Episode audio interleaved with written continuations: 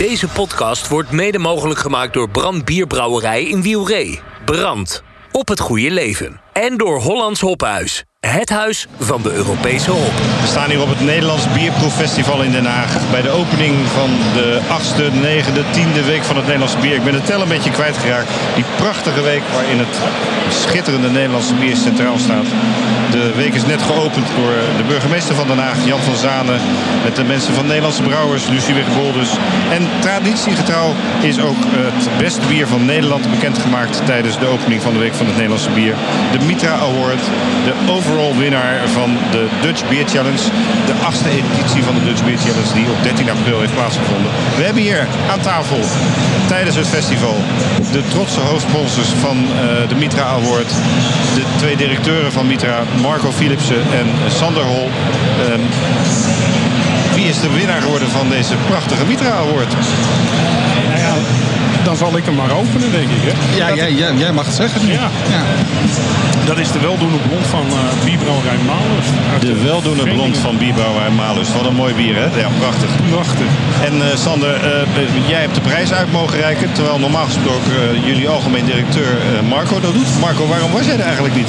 Ja, dat is een mooi verhaal. Ik, ik, ik heb er denk nu ongeveer zo'n 4,5 uur over gedaan om hier te komen. Maar we hebben een hele grote storm gehad. En de lucht werd op een gegeven moment echt groen. Het begon te waaien, het begon te donderen. En toen zei de trein van, wij gaan niet meer verder. Dus toen moest hij terug en dan moest ik in het autootje en uh, nou, bij elkaar 4,5 uur. En, maar ja, weet je, uh, dan ben ik blij dat ik uh, steun en toeverlaat heb. En die, ja, maar hij wilde eerst het podium niet op. Nee, dat is ons nee, nog gelukt. Nee, en, echt niet. Sander, jij hebt het fantastisch gedaan. Dankjewel. Je bent een, een waardig vervanger van, van Marco. zonder gekheid, het was een, een, een prachtige presentatie van, van de Dutch Beer Challenge en een heel mooi bier waar we trots op kunnen zijn. Wat voor bier is de, het beste bier van Nederland dit jaar? Dat is vooral een leuke brouwerij. Het is, het is, uh, we hebben natuurlijk heel veel winnaars gehad. We hebben echt zware stouts gehad. We hebben de triple gehad. En, uh, en nu zeg maar een, een, een blond. Uh, hij, is wat, hij is wat donkerder qua kleur. Hij is lekker fris. Een mooi doordrinkbaar bier. Ehm, dus ik denk dat het een hele mooie nieuwe winnaar is die, die, die het zeker verdient. En zeker in het rijtje ook. Het is een brouwerij in het noorden. Hadden we ook nog niet gehad. van, de, van, van Malers, Veenhuizen, waar, waar de, de voormalige gevangenissen stonden. Ja, super. Ik denk ook dat ze, ik heb het niet gezien dus, maar ik denk dat ze ook super, super blij zijn. Ja, ja, ja dat waren ze absoluut. Je zegt inderdaad voormalige gevangenis. Ja. Jullie maken traditiegetrouw een, een prachtig houten beeld. Ja. Als uh, prijs voor de overall winnaar. Um, in dat beeld zit die gevangenis verwerkt. Kun je daar iets over vertellen, Marco? Ja, wij, wij doen traditie, traditiegetrouw vragen wij Wil Schop. Dat is een kunstenaar die alleen maar met hout werkt. En met name bekend zijn van gedetailleerde jassen. Die hebben we nu dus voor de achtste keer gevraagd om beeld te maken. We zouden dus ook nog een keer heel graag helemaal weer bij elkaar hebben. Zodat ja. het, het, lijkt me een heel mooi beeld. um, maar wat, ik, wat, ik, uh, wat, wat hij heeft gedaan is natuurlijk gewoon echt mooi hop en dat soort dingen erin verwerkt. En ze zijn trots op hun brouwketel. En daar heeft dan zeg maar een gedetineerde heeft daar wat in gekrast. Dat is wel heel grappig om te zien. Maar wat heel mooi is, is eigenlijk de, de, de symbool zit in de voet. De voet is echt, echt steen. En dat is een fundering die door de zware jongens is gelegd. En daar hebben ze allemaal speltjes naar boven die het houten beeld draait. En hebben, draagt. En dan hebben ze twee stil, speel, speeltjes doorgeknipt. En een beetje opengebroken als, als ja, uh, de creativiteit van de brouwers. Creativiteit, ambitie van de brouwers. Mooi. Ja. Nou, ja, ja, Prachtig beeld, dus waren er heel blij mee. Um, uh, even los van, van dat prachtige uh, Dutch Beer Challenge en het beste bier van Nederland. We staan hier op het Nederlands Bierproeffestival. Wat, wat gaan jullie hier ontdekken of wat gaan jullie hier doen? waar, waar kom je hiervoor naartoe? Los van het feit dat jullie de hoofdsponsor zijn van Award. Nou, ik, ik, denk dat het voor ons heel belangrijk is om, uh, om, om te zien hoe bierbrouwers en consumenten elkaar leren te ontmoeten hier op zo'n. En dat we, dat we ja, in die bierwereld inderdaad staan en, en zorgen dat, dat die verbondenheid ontstaat en, en dat rechtstreeks contact. Dat, is gewoon, dat vinden wij heel erg belangrijk. En wat voor bieren wil je gaan ontdekken? Hou je van sours bijvoorbeeld? Ik, uh, ik, ik hou er niet van. Ik probeer het wel. Dus ik ga ze hier zeker, uh, zeker proberen. En uh, de ontwikkelingen alcoholvrij bier vind ik echt ontzettend interessant om te zien. Ja, ja. De, de, de verbreding van de types en, en ook de smaak inderdaad. Mooi. En Marco, waar, waar kom jij voor? Nou, ik moet, altijd, ik, ik moet toch even wat zeggen nog verder. Want elk jaar als wij hier staan met, het, met, het, met de uitreiking van het beste bier van Nederland dan vraag jij me altijd stevast van waarom doet Mitra dit? Ja. Dus, en toen bedacht ik mij vorig jaar van ik geef eigenlijk altijd hetzelfde antwoord. Ik moet daar iets anders op verzinnen. Nou, waarom doet Wat Mitra denk je? Waarom Kom ik, kom ik dit keer niet? Ben ik te laat? Ja. Maar ehm, nou, waar- waarom, wat, ik, ja, ik mooi vind waarom wij dit doen, ehm, is dat, dat niet alleen dat wij de pareltjes eruit kunnen halen en dat wij de kwaliteit van bier in het algemeen gewoon zien groeien. Dat is natuurlijk voor ons gewoon ook zo belangrijk. Maar met name die vriendschap tussen brouwerijen, wat zo uniek is in deze bierwereld. Ehm, en dat willen we behouden, zeker met zoveel brouwerijen die er nu zijn. En dat is echt, echt niet te vergelijken met wijn of gedistilleerd. Dat is heel mooi. En wij willen gewoon midden in die bierwereld staan. Dat doen we nu, staan we nu de afgelopen 20, 22 jaar. En dat willen we blijven. En daarom ja, eh, organiseren we, richten we dingen op, maar eh, sponsoren we ook zaken. En aan jouw vraag beantwoordende van wat ga je drinken. Ik ga gewoon heel veel vrienden opzoeken die die hele lange reis samen met ons gemaakt eh, hebben. En daar ga ik eh, allemaal een slokje van nemen, denk ik. Mooi, heel goed. Dank jullie wel en veel succes met Mitra. En tot de volgende. Dankjewel, Fedor. En we hebben hier, nadat we de hoofdsponsor eh, Mitra hebben gesproken, de winnaars van het beste bier van Nederland. We hadden ze natuurlijk eigenlijk als eerste hier aan tafel willen hebben. Maar u begrijpt, de pers, iedereen eh, kwam op ze af. En eh, ze zijn volop geïnterviewd door de eh, Nederlandse pers. Malus Brouwerij uit Veenhuizen. We hebben hier, eh, nou stel jezelf voor Bert. Ja, Bert Kalkhoven, eh brouwmeester van Malus. En een van de zware, de meest zware jongen denk ik. Zware jongen nummer 1. Zware jongen nummer 1, Henk Timmerman. Hartstikke fijn dat jullie hier zijn. En allereerst natuurlijk van harte gefeliciteerd met eh, deze mooie prijs. Ja, dan kan ik natuurlijk van dat soort clichévragen stellen. Hadden jullie het verwacht? Nee, eigenlijk niet. We vonden het al fantastisch om eh, goud te winnen. We doen vaker... Je, Goud in de categorie blond meibok, hè? Dat ja, was de, ja, ja. de, de wij, zoeken de, Ja. wij zoeken het op waar het het beste in past. Ja. Wij vinden onszelf ons blond in de bitterheid wat hoger. Dus eh, de afdronk is bitterder, hij is koppiger, laten Ja. we het zo zeggen. Ja. En dat is ons uh, blond. En daar we schaven er niet meer aan. We hebben al, eh, ik heb de, de, de, het brouwsel wat ook gekeurd is, kleine aanpassing nog gedaan in de mouten en in de hoppen. Dus, eh, dat is Maar jullie noemen, het, eh, jullie noemen het een Belgisch blond eh, Ja. karakter. Maar hij heeft toch ook inderdaad wel iets van een meibok, of niet? vind ik ook. ja, Ja, dat vinden wij wel. Ja. Ja. Het is niet Ja. voor niks dat jullie hem in die categorie hebben ingestuurd. En Ja. Het is eigenlijk gewoon een hele mooie mix tussen een meibok en een, en een Belgisch blond. Ja. Kijk, onze, Ja. onze bieren zijn ehm, eh, zoals wij vinden dat ze moeten zijn. Ja. En ehm, dat betekent vaak ehm, iets pittiger. In dit geval bitterder. En eh, ja, dan passen ze soms iets beter in een andere categorie. Ja. En, eh, maar wij, wij vinden dit heel mooi voor een karakteristiek blond bier.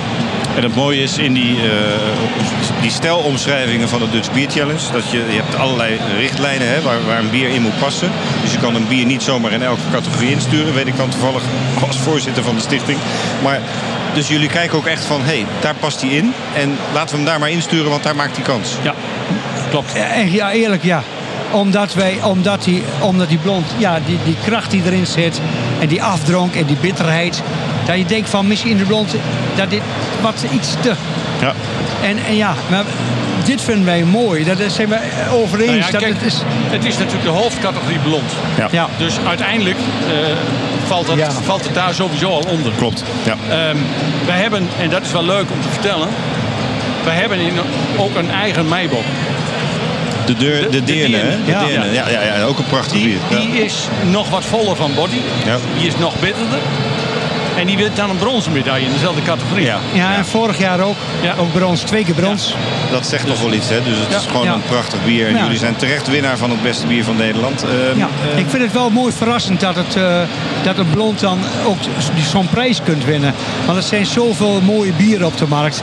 En fantastische, eh, bijzondere bieren. Je weet al, uh, vatgelagen, noem alles maar op. Ja, ja. En dat dan gewoon eigenlijk gewoon een, een heel populaire, populaire bierstijl, de blond, dat ook kan winnen. Ja, dat ja, vind ik ook wel weer een opsteek. Een aantal jaar geleden La Trap Triple. eh, Ja. Natuurlijk ook Ja. hetzelfde verhaal Ja, eigenlijk. verhaal, De klassieke bieren, zijn, is dat een conclusie die we kunnen Ja. trekken? Dat die toch weer een beetje op zijn eh, dat die aan het terugkomen zijn? Dat ze, dat ze niet weg zijn. En volgens mij nooit weg geweest zijn. Nee, nee. En dat er dus voor eh, in de bierwereld, waar eh, die enorm gegroeid is natuurlijk, plek is voor, eh, voor creatieve bieren. Maar dat er daarnaast nog steeds plek is voor de wat meer traditionele bieren. Ja, ja, Ja. ja. En, 9 en, en wat past bij Malers? Laten we eerlijk wezen. Nou, dat is onze- dat is dat onze, is be- onze bewuste keuze. keuze. Ja, ja, ja. Jullie zijn al zo'n tijd bezig en maken al zo lang mooie bieren. Ja. Mag ik dan zeggen, eh, ik, moet, ik moet journalistiek objectief zijn, maar het komt jullie echt toe. Hè? Jullie maken echt zo lang al zo mooie bieren. Ehm, 29 gouden medailles waren er in de Dutch Beer Challenge. En dat jullie van al die 29 gouden medailles de hoogste cijfers hadden met de weldoener. Dat is Ja. toch een lekker gevoel, hè? Ja, dat is wel een lekker gevoel, ja. ja, ja, ja, ja. Ik las net even op, eh, op RTV Drenthe, er stond een berichtje op. Ja. En tegen die verslaggever heb ik gezegd van het voelt als Olympisch goud. Ja. En dat, dat is ook een beetje zo. Wij waren al heel blij met die eh, gouden medaille in deze categorie. Ja. Dat is best wel een grote categorie. Ja. En als je daar een gouden medaille in wint, dat, dan ben je al heel blij. Ja. En dat je dan met datzelfde bier gewoon ook nog overal kampioen wordt. Ja, nou, wat wil je nog meer? Ja, we weer nog meer. Ik zie hier twee, eh, het is radio, eh, podcast, maar ik zie hier twee hele glimmende gezichten. Mensen die terecht zeer trots zijn. Ja. Hoe gaan jullie dit eh, succes, want ik weet dat van de vorige edities van de Dutch Beer Challenge, eh, het begon ooit met Joop een mooie Nel geloof ik. En, en ja, dan komt er toch wel iets op je af, want dat bier wordt toch ineens besteld. En er wordt toch ineens, eh, er komt, eh, hebben jullie al een beetje bijgebrouwen? Gaan jullie morgen een beetje bijbrouwen? Maar kijk, dit, dit, dit is wel de periode waarin je ketels altijd vol zitten. Ja, Eh, maar we kijken inderdaad wel van, eh, misschien moeten we een beetje verschuiven in de planning. ja, ja. En toch hier en daar nog een, een, een brouwsteltje blond extra erin gooien. En in de vorige jaren zagen we ook al in deze periode dat het, dat het moeilijk was om deze bieren voldoende op voorraad te hebben. Omdat het een seizoensbier is en, en je, je maakt er een kleine batch van. En, en, Ja, een beetje terras gaan openen en dan is je Weizen en je blond. Dat zijn echte hardlopers. ja, ja. Ja. En het zijn bij ons ook bieren met een minder lange houdbaarheidsdatum. Omdat wij niet filteren, niet centrifugeren. Eh, dus die kun je ook niet maar onbeperkt op voorraad brouwen. Nee, nee. Eh, dus dat, dat blijft een uitdaging. Jullie hebben er wel een klein probleempje bij nu eventjes. We doen ons best. Even eh, eh, een sidestep. Jullie zijn natuurlijk los van het feit dat jullie hele mooie bieren brouwen... eh, ook heel erg duurzaam bezig met eh, lokale gerst en hop en, en, en eh, allemaal prachtige mooie ontwikkelingen. Kunnen jullie daar kort iets over vertellen? Wat, wat jullie eh, zeg maar handtekening is van de brouwerij en van de bieren? Nou, wij zijn eh, inderdaad in 2018 begonnen samen met het eh, agrarisch bedrijf van de penitentiaire inrichting in Veenhuizen met eigen hopvelden. Eh, dat is inmiddels overgenomen door een eh, lokaal bedrijf wat eh, rondom deze initiatieven gesticht is. Die hebben dat eh, uitgebouwd. Ehm, daar is nu, ik denk, ruim 5 hectare hop, professionele hopteelt in Nederland. Met een professionele droogast, met eh professionele plukmachine.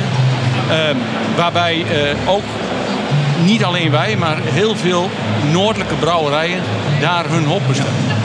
Ehm, idee daarachter is van als je een kraftbrouwerij wilt zijn, je wilt regionale bieren brouwen, dus is het ook mooi om dat met, met regionale grondstoffen te doen. Ja.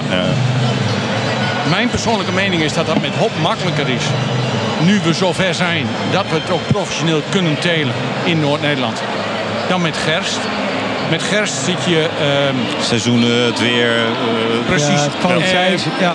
een risico van schimmelvorming in de opslag en dergelijke. En dat is best wel een, dingetje. gushing in je bier. Ja, En op het moment, je kan best een boer hebben die zegt van ik wil voor jullie gerst telen, maar dan moet ik nog wel een malterij zien te vinden. Ja. Die ook kwaliteit. Dus dat is een, wel iets wat we, eh, waar we over gesproken hebben. Ja. Maar veel meer in de, in de context van eh, laten we kijken of we dat met, met alle noordelijke brouwers samen kunnen doen. Nou. Zodat we tegen een grote malterij kunnen zeggen, ga jij van ons dat doen? Ja. En wij garanderen met elkaar die, eh, die afname. Nou, Maar ik heb begrepen, jij noemt het nu zelf, dus ik mag er als eh, journalist ook gewoon naar vragen. En je hoeft er geen antwoord op te geven. Maar ik heb begrepen dat daar ook al iets, een, samenwerkingsverband in ontwikkeling is. Hebben jullie, de Noordelijke Brouwers? Ja, wij hebben daar eh, zeker een aantal keren met elkaar over gesproken. Hm. Eh, ik denk dat we ook kunnen stellen dat eh, ook op dat punt corona enorm roet in het eten gegooid heeft. We hebben een... een mijn la- de laatste bijeenkomst daarover was volgens mij bij, in Harlingen. Bij eh Brouwdok. Ja. En die, die samenwerking met die noordelijke brouwers die is, die is gewoon heel goed en heel leuk. En eh, ik denk dat dat zeker een gevolg krijgt. Maar het is, het is best een dingetje eh, voordat je dat voor elkaar hebt. Ja, ja, ja. Maar het, het staat in ieder geval allemaal nog, nou, niet, misschien niet meer in de kinderschoenen, maar het, het krijgt een vervolg. Ja, het is, het is, het is, het is een Ja, nou, initiatief. De hoptilt hebben we al. En het is voor mij ook, de hoptilt is twee kilometer van Malenstaf. Ja. Dus ik kom daar vaak. Zeker als het in de oog staat. Even ruiken, even snuffelen.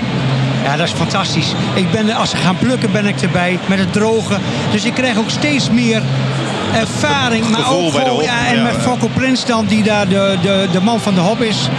Veel over vertelt. En dat heeft wel een bepaalde binding. En dat is voor mij een verrijking. Ja, ja, als ja, ik daar gewoon twee kilometer verderop ga gaan kijken hoe het gaat. Ja, ja, ja, ja. En wat we wat voor variëteit is het? Oh, de- Nou, er zijn eh, zeker, 7 of 8 Ja, ja, wat vast uitgebreid. En Ja. wat, wat ook maar zijn het dan vooral bitterhops of, of ook aromahops? Aroma, allebei. Ja. En ze proberen eh, zoveel mogelijk biologisch te telen.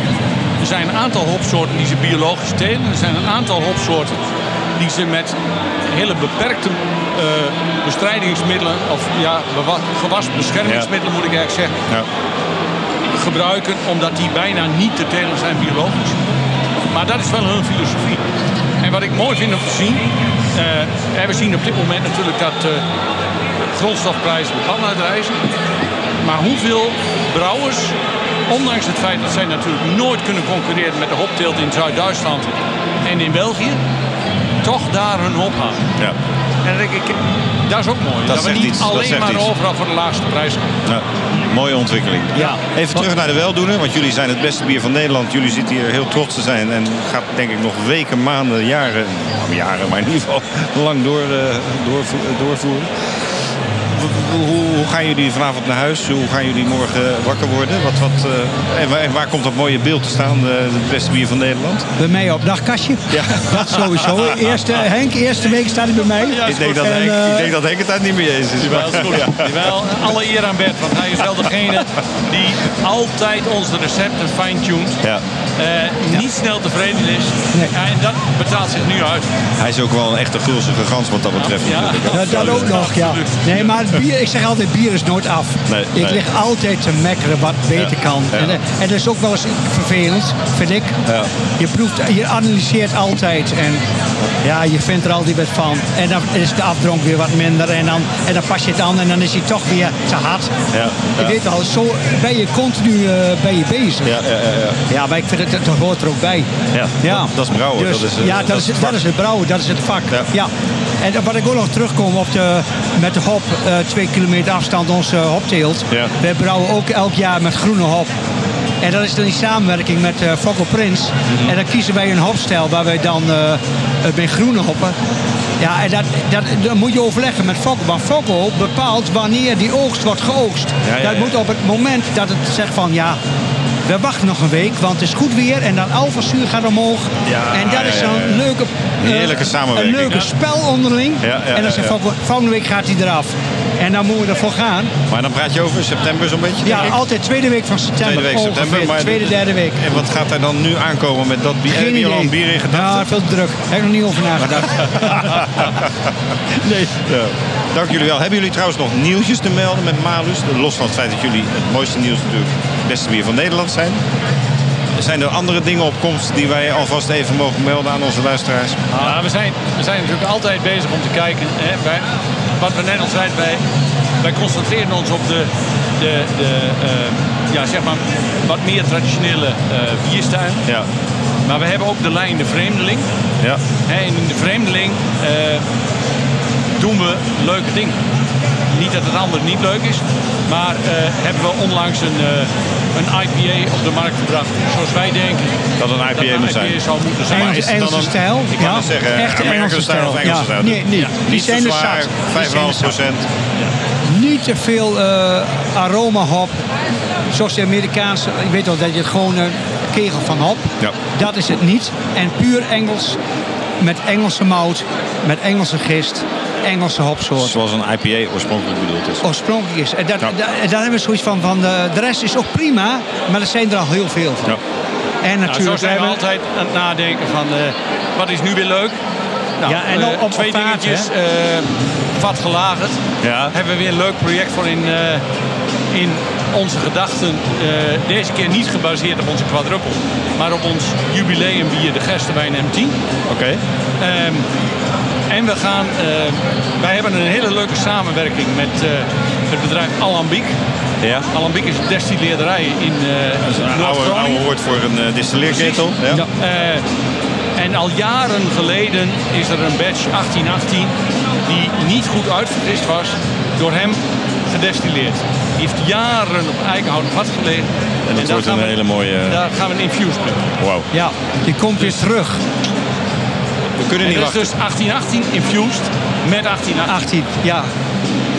Dat lijkt me heel leuk. En ja. dat dan, wanneer lekker. komt die? Dan praat je over? Oh, en na, na. Ik, ik Ja. denk eh, voor de feestdagen. eind van het jaar begin volgend Leuk voor onder de kerstboom. Wit open haartje aan. Eh, de voetjes op de rondtafel. Voor die tijd komen we graag even langs. Dat gaan we doen. Dank jullie wel. Nogmaals van harte gefeliciteerd. En veel succes met jullie Sterralures. Beste bier van Nederland. Jullie zullen er eh, een jaar mee om moeten gaan. eh, Maar het komt wel goed, denk ik. Hè? Ja, dat komt wel goed. Gaat lukken. We gaan Succes. gewoon vrolijk verder. Dankjewel. Succes. Dankjewel. En we hebben hier aan tafel op het Nederlands Bierproeffestival in Den Haag. eh, De achtste of de negende of de tiende editie. Ik ben de tel kwijtgeraakt, maar de week van het Nederlandse bier is vandaag weer gestart zoals u weet. We hebben net al eh, de winnaars van het beste bier van Nederland aan tafel gehad en eh, andere mensen. Maar we hebben nu de twee grootste brouwers van Nederland aan tafel. En toevallig ook nog eens twee Twentenaren. Ik heb hier Mark Jansen, de, de, ja, toch wel meesterbrouwer inmiddels van Grols. En ik heb Mark Scholten, ja, niet de meesterbrouwer van Heineken, maar wel de meeste marketeer van Heineken. Hartstikke leuk, twee Ten- Twentenaren, welkom. Misschien even kort uitleggen, waar komen jullie vandaan eh, uit Twente? Ik ben eh, geboren en getogen Enschede. En jij, Mark? Eh, ja, geboren in uh, Oemen, dat is officieel Salland. Ja. Maar opgegroeid in Nijverdal, en dat is dan wel in het eh, Twente. Ja, ja, ja, ja, ja. Ja. En jullie kennen elkaar natuurlijk ook, hè? Ja. Uit het bierwereldje. Ja. ja. Of misschien wel uit de popmuziek of uit de concerten. Of, of... Nou, dat, daar ken, dat, dat vinden we allebei leuk volgens mij, maar daar kennen we, elkaar, we kennen elkaar eigenlijk het meeste van toch de dagen dat we hier zijn geweest. Ja, zeker. Ja, ja, ja, Dat we bier. elkaar ja. even opzoeken. Ja. Mooi, mooi, mooi, mooi. Nou, laten we eens even beginnen. eh, het, nieuws van gisteren. Grols komt met thee op de markt. Ja. Is dat wat? ja, dat is wat. Hè. Blond met een thee. Ja, blond met een thee. Vertel eens, vertel eens. Ehm, ik heb, in Nederland is er één teler, één theekweker. En die zit in Zundert. Local Tea heet die. Eh, Johan en Dionne. Dat zijn niet de, niet de trappisten van Zunder die dat Nee, doen. nee. Het is trouwens ook mooi om daar een samenwerking mee Ja, te doen. ja, ja. Maar ehm, eh, de- Johan die heeft een tijdje in China gewoond en die heeft, ehm, die heeft daar thee leren eh, produceren. En die heeft die theeplant meegenomen naar Zundert. En die is die, die daar gaan telen. En daar hebben we contact mee gehad. Omdat het gewoon, eh, zijn vader dronk altijd thee uit de Grolsbeugel. Ja. En nou, we zijn er naartoe geweest. Maar hoe deed hij dat dan? Dat goot hij in een en ja, dan- zijn vrouw maakte dat 's ochtends. eh, Hij had een tomatenkwekerij. Dus zijn vrouw maakte dat 's ochtends in een, in een, eh, in een zwarte thee. En die dronk hij. En tussen de middag werd hij, kreeg hij een refill. En ehm, althans, ik hoop dat het thee was. Het thee. Volgens Johan wel. Dat is het verhaal, hè? Ja, Ja. we hebben contact met ze gezocht. En ik vond het lastig om met groene thee iets te doen. En dat vond ik ook direct een uitdaging. Ja. Dus vandaar dat ik hem... eh, Er zijn natuurlijk meer brouwerijen die ermee geëxperimenteerd Ja, hebben. Eh, Thee-infused eh, bieren zijn er natuurlijk al meer. Maar dat jullie als Grols, als grote brou- brouwerij dat dan doen, dat is, dat is wel bijzonder, toch? Ja, nou ja in, de, in de brouwerij werk ik in de proefbrouwerij. En de Gols proefbrouwerij is een relatief kleine brouwerij, 20 hectoliter. En daar krijg ik relatief veel vrijheid om dingen te doen. Dit soort leuke En, dingen en te ja, doen. dit soort dingen te doen. En ja, dat, eh, dus ik ben aan de slag gegaan met het recept van onze blond. Door hem ietsjes droger te maken, iets hoog eh, in, de, in de vergisting. Daardoor krijg je iets droger bier, geef je het podium een beetje meer aan de thee. En dat is dan weer leuk om te zien. Eh Grols is daarmee bezig. Mark Heineken is daar ook mee bezig. Jullie zijn natuurlijk heel... Jij bent verantwoordelijk voor de craftbieren in Nederland. Ja. We hebben natuurlijk een paar weken geleden de introductie gehad van de, eh, de collab van Brand met Brouwerij Noord samen. Waarom zijn jullie als grote brouwers ook juist met dit soort leuke dingen bezig? Uh, nou ja, volgens mij is... Kijk, ik, ik, ik, ben natuurlijk zelf geen brouwer. Maar ik, kijk, ik, ik, denk nog wel steeds dat, dat je als brouwer sowieso het mooi vindt om met nieuwe dingen bezig te zijn. En daar hebben wij denk ik ook elkaar altijd wel een beetje gevonden. ook elk jaar hier had jij iets nieuws. Ja. En in, het geval van, in dit geval van Brand... we willen ook graag gewoon nieuwe, nieuwe smaak op de markt brengen. Uh, in, in, ons geval dan uh, specifiek voor de horeca, alleen voor de, de brandhoreca. En dan zoek je daar een partner in. En dat was in ons geval uh, Brouwerij Noord. Ja. beide brouwerijen altijd goed geweest in de, in de, in de, lage, in de lagers, zal ik maar zeggen. Ja, ja. dus Peter Rauwe en Rob Habets hebben elkaar ook helemaal lekker gevonden hierin. Ja. Ja, die stonden weer als twee kleine kinderen bij de ketel, zeg maar. En ja, ik vind dat fantastisch. En als ik dat dan uh, nou, mag vermarkten, om maar even zo te zeggen. Dan, ja, dan, dan, dan, gaan jouw ogen weer twinkelen. Die twinkelen altijd al, maar dat, dat zie ik dan nog meer twinkelen. Maar zo hebben jullie ook Lagunitas en jullie Tessels. Uh, die hebben allemaal Eudibus. Allemaal mooie merken natuurlijk in het portfolio van de craftbieren. Gaan daar dan ook dit soort dingen mee gebeuren? Uh, nou ja, wat mij betreft uh, denk ik dat het altijd goed is om de kennis van twee brouwers bij elkaar te brengen. Om er weer iets nieuws uit te halen. En als dat kan met, uh, met een van de, uh, van de brouwerijen die je net noemt, zullen we dat zeker doen. Maar ja. ja ik, ik, ik, sta ook nooit, ik sta ook altijd open voor andere zeg maar, kansen. En, en Tessels is in die zin natuurlijk net, net, net nieuw voor, ja. voor ons. maar ja, we gaan zeker kijken. Daar hebben we laatst ook een nieuw bier, alleen maar op het eiland geïntroduceerd. Een abdijbier. De Rugemonnik. De Rugemonnik. Ja, mooi. En dan denk ik, ja, de brouwers kunnen helemaal los met een oude receptuur. Alleen op het eiland. En dan krijg je natuurlijk meteen de vraag waarom alleen op het eiland? Ja, omdat we dat alleen voor het eiland doen. Ja. ja. En, uh, dus ik denk, Lekker uh, exclusief. En uh, als je het wilt proeven, dan ga je maar naar het eiland. Ja, en je ja. kan, en wat ik zelf, maar dat is, ik, als marketeer vind ik het leuk dat we over bier kunnen blijven praten. En daarom doe ik elk jaar graag iets nieuws. Ja. En nu was dat dan dit. En daar gaan we ook mee door. Jullie zijn als uh, Grols en als Heineken uh, Nederland uh, vanaf het begin ook intensief betrokken bij de Week van het Nederlandse Bier.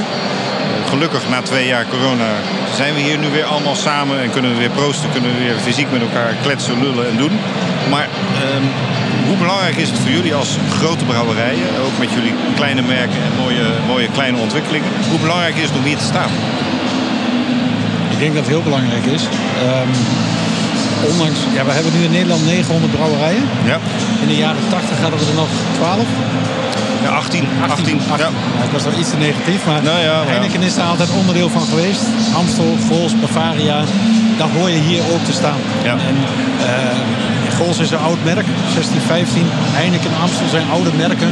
Brand is een oud merk. Ja. Die zijn onderdeel van de Nederlandse biercultuur. En ik, dan verwacht, ik, verwacht je ook dat die hier staan. Of ben nee, ik, ik ben het met je eens, Mark. Kijk, ik vind uh, dat wij aan de ene kant uh, als grote brouwerijen... Uh, dan moet je ook, vind ik ook dat je bijdrage levert aan zo'n week van een Nederlandse bier.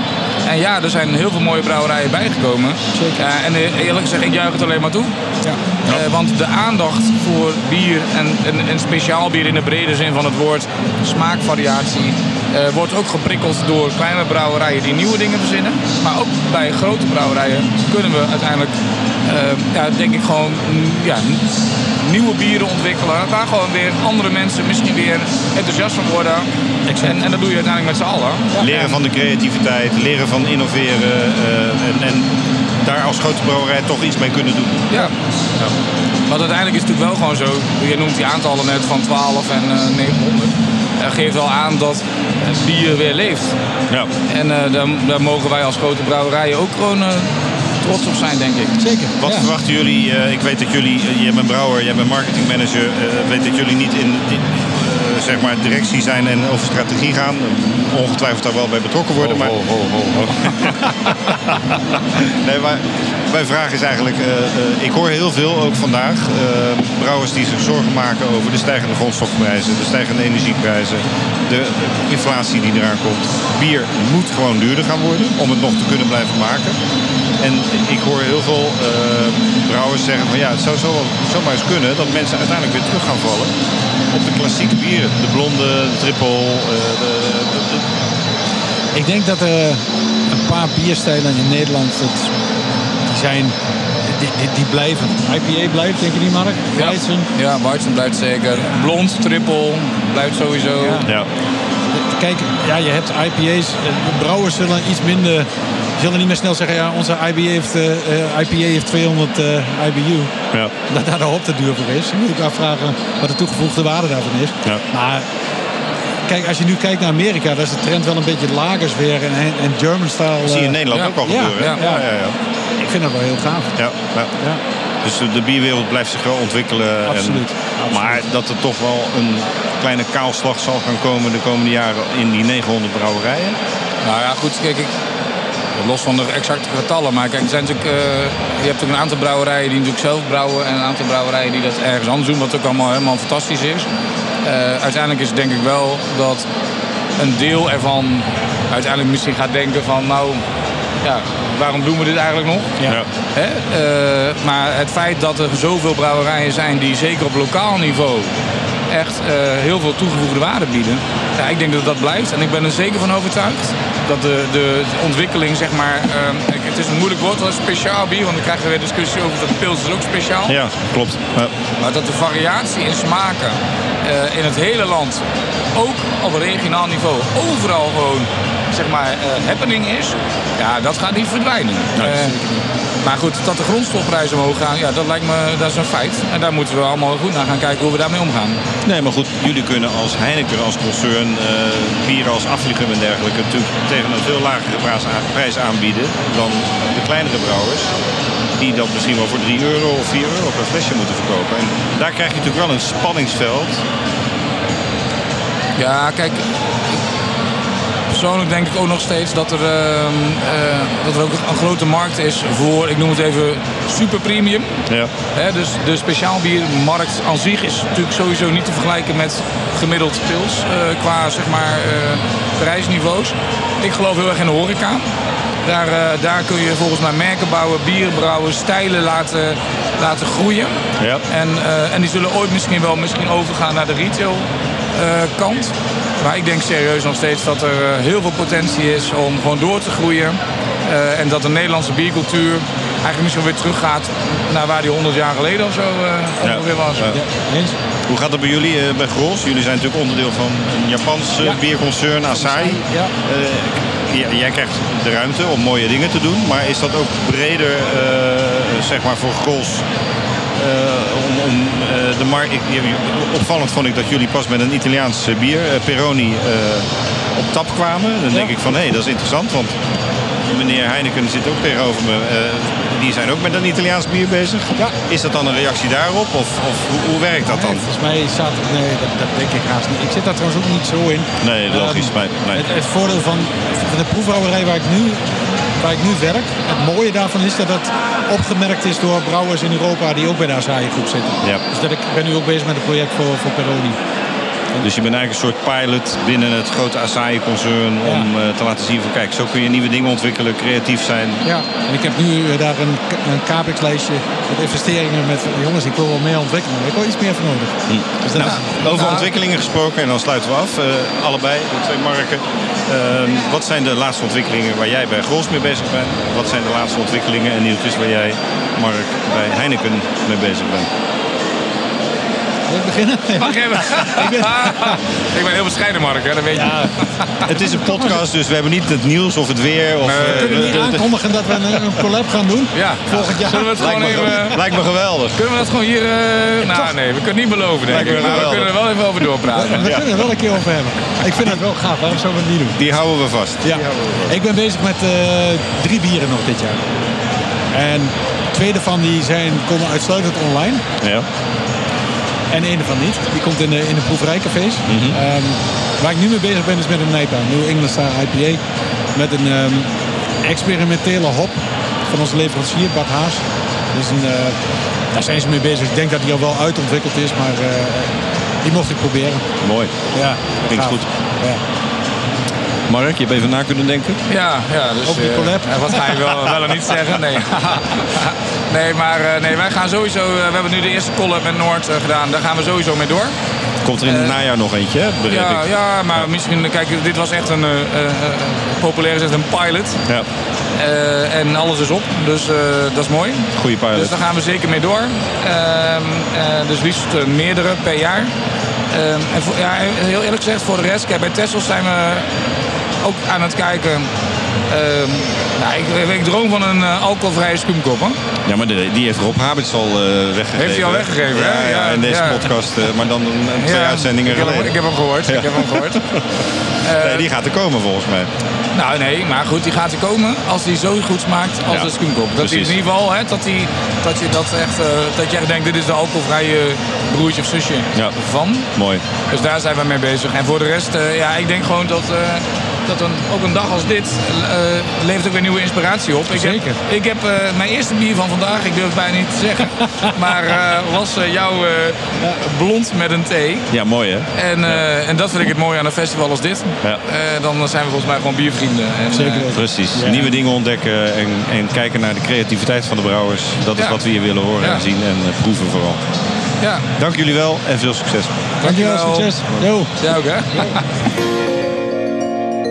En we hebben weer twee prachtige Nederlandse brouwers aan tafel. Eh, stellen jullie jezelf even voor. Hoi, ik ben eh, Timothy Wareman van de Kekbrouwerij. En, Ga ik je zo meer over vragen. Timothy War- Wareman van Keks Brouwerij en En ik ben eh, Ruud Verworst van de Eenbierbrouwerij. uit EMB Rome. Brouwerij. En eh, een van de oudste klassieke craftbrouwerijen van Nederland. Eh, daar gaan we zo ook meer over vragen. Timothy, Keks Brouwerij. Jij bent natuurlijk betrokken geweest bij Jopen. Jij bent betrokken geweest bij... Nou ja, waar ben jij eigenlijk niet bij, bet- bij de na, eh, Naakte Brouwers? Volgens mij, nee... daar heb ik ook mijn staartjes je- wel ja. in. Eh, Jopen en eh, de Naakte heb ik mijn staartjes in, om het zo te zeggen. Ja. Jopen, daar heb ik meegedaan vanuit het Moorbeer. Ja. Voor een proeflokaal in Amsterdam toen, de, toen de tijd op te zetten. precies, ja. En dat is anders gegeven, uh, doorgeëvalueerd. Dat is nu uh, Mikkeler Moorbeer. Ja. En eh, met de naakte, ja, ik, ik, ik heb eh, Pampus opgericht.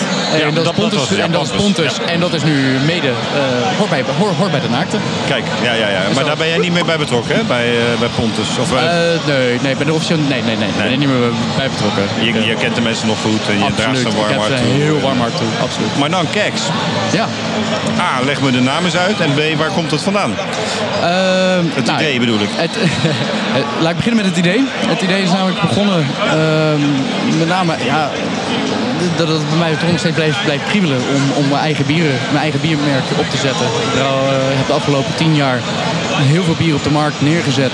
Meestal onder een andere, eh, in de naam van een ander, Ja, om het zo te zeggen. huurbrouwer. Eh, ja, huurbrouwer. En helemaal niks mis mee. Dat vind ik hartstikke leuk. Super gaaf om nog steeds te doen. Ja. Eh, ik doe het ook nog steeds ernaast. Maar het werd ook wel weer tijd om iets voor mezelf te doen. Ja.